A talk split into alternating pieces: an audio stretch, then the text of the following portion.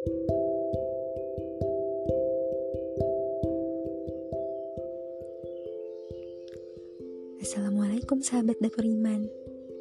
Bagaimana kabar imanmu hari ini? Di bulan penuh ampunan yang selalu berhasil memancing kerinduan.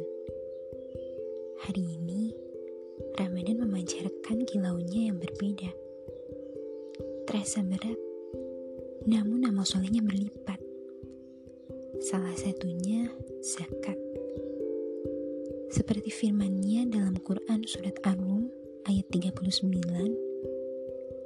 Dan apa yang kamu berikan berupa zakat yang kamu maksudkan untuk mencapai keriduan Allah Maka itulah orang-orang yang melipat gandakan pahalanya.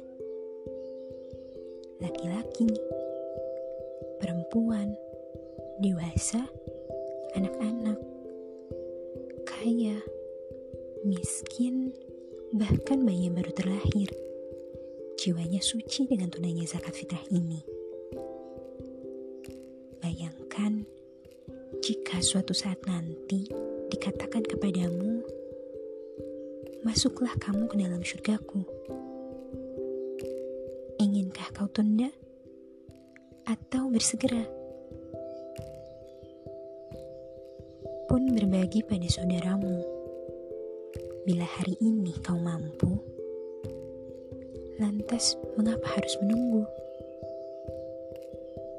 Zakat fitrahmu adalah energi bagi saudaramu.